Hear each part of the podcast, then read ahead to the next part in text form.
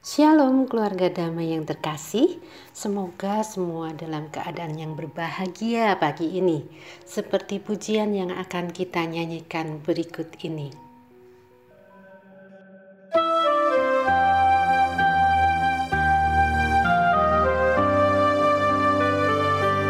Ku berbahagia, yakin teguh, Yesus abadi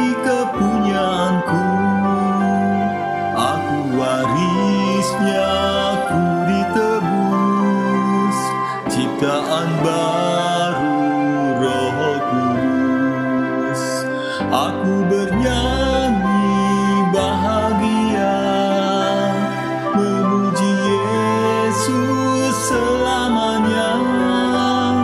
Aku bernyanyi bahagia Memuji Yesus selamanya.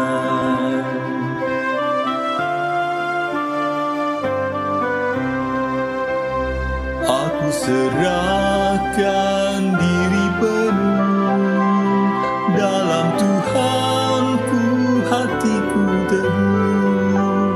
Sambil menyongsong kembalinya. Ku diliputi anugerah. Aku bernyanyi bahagia.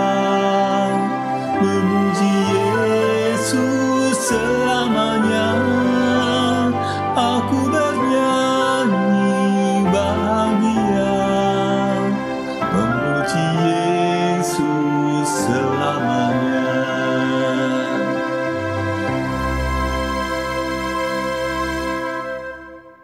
Kita berdoa. Allah Bapa yang penuh kasih, kami memohon hikmat dan pimpinan Tuhan pagi ini agar firman-Mu berbicara pada kami sehingga kami memahami kehendak Tuhan. Amin.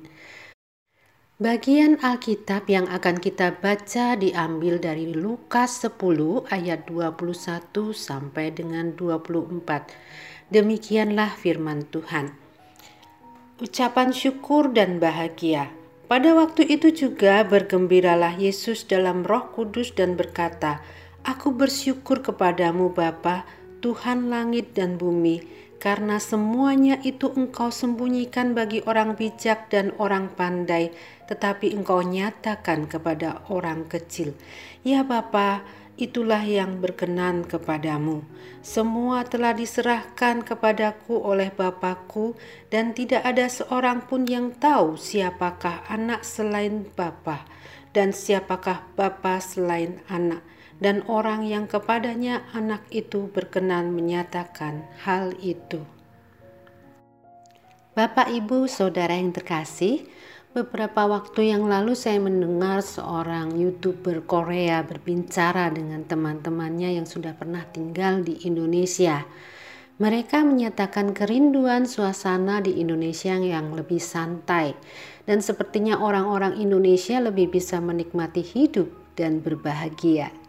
Segala fasilitas di Korea sudah terpenuhi tetapi situasi kondisi di sana masih membuat mereka harus bekerja keras dan merasa terbeban dengan tuntutan lifestyle lingkungan. Hampir sama dengan pengalaman teman saya yang dulu bekerja di Singapura. Saat kembali ke Indonesia, dia menyatakan suasana kerja di Indonesia lebih rileks dengan beban pekerjaan yang hampir sama, tapi masih bisa dibawa bercanda di kantor. Di Singapura, atau di kebanyakan negara oriental mereka merasakan semacam tuntutan kesempurnaan yang mengada-ada serta persaingan yang terus-menerus sehingga membuat mereka tertekan.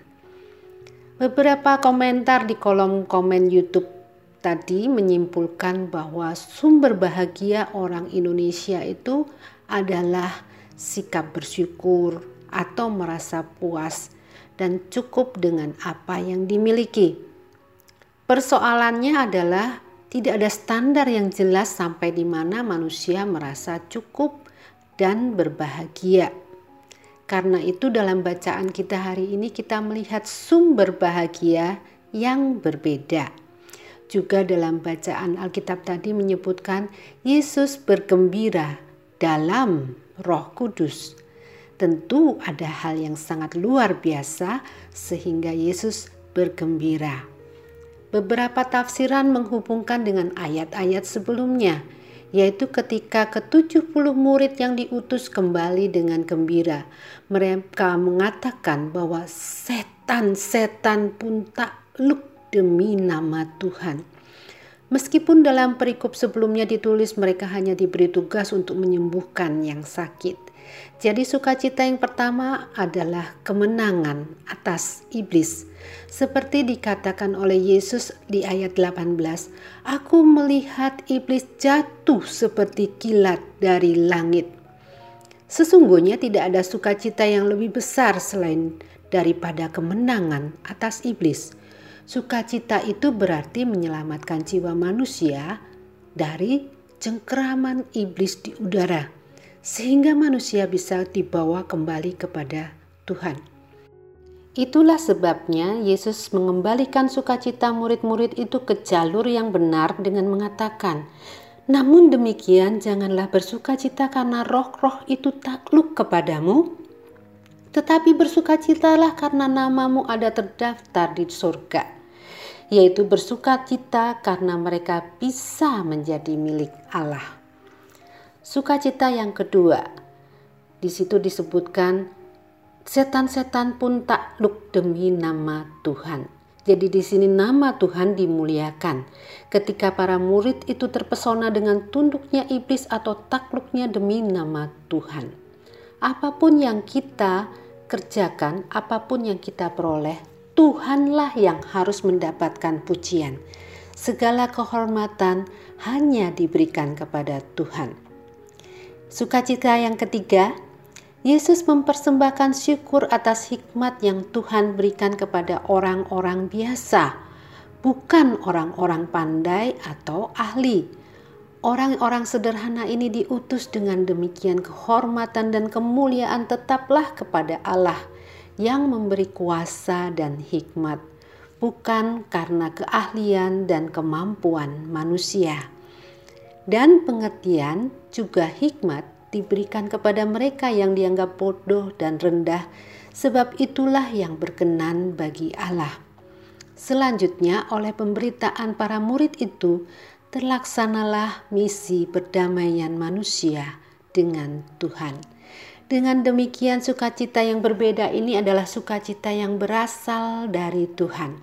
Sukacita yang melihat kuasa dan kemuliaan Tuhan mengalahkan si jahat sukacita yang melihat nama Tuhan dipermuliakan, dan sukacita menyaksikan jiwa-jiwa yang terhilang bertobat dan datang kepada Tuhan, serta sukacita ketika melihat orang percaya menjalankan misi Allah untuk menyampaikan berita keselamatan atau menyatakan kuasa Allah.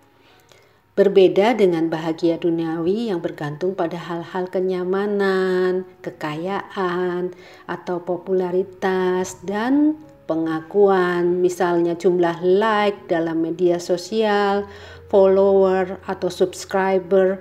Jenis ini bahagianya hanya sesaat, namun terus-menerus haus dan tidak pernah puas.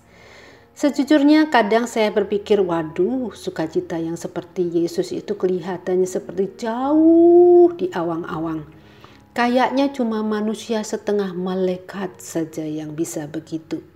Bahkan saat ini kita itu justru bergumul dengan masalah-masalah kehidupan yang tidak selesai-selesai. Bagaimana kita bisa bersuka cita? Pertama-tama, Bersukacitalah karena kita ini telah diberi privilege atau keistimewaan untuk dipilih menjadi anak Allah dan nama kita tercatat di surga. Selanjutnya, berdoalah agar Tuhan menunjukkan kepada kita apakah rancangan Tuhan bagi pelayanan kita, apakah panggilan Tuhan bagi seluruh hidup kita. Supaya kita di pakai Tuhan di mana pun kita ditempatkan dalam pekerjaan, di dalam keluarga, di dalam komunitas dan gereja, pelayanan, di media sosial, atau dalam studi dan lain-lain. Kemudian berdoalah agar kita melihat bagaimana Roh Kudus bekerja melampaui pikiran kita, sehingga kita menemukan sukacita yang benar, yaitu memuliakan Allah karena pekerjaan Tuhan melalui hidup kita. Mari kita berdoa. Bapa yang baik, kami sadar Tuhan menciptakan dan merancang kami dengan suatu maksud tertentu Tuhan memberikan karunia-karunia rohani atau keterbebanan pada hal-hal tertentu. Ajar kami ya Tuhan untuk taat memenuhi panggilan Tuhan, supaya kami menikmati sukacita dari sumber yang tidak pernah kering. Amin. Selamat pagi, Tuhan memberkati.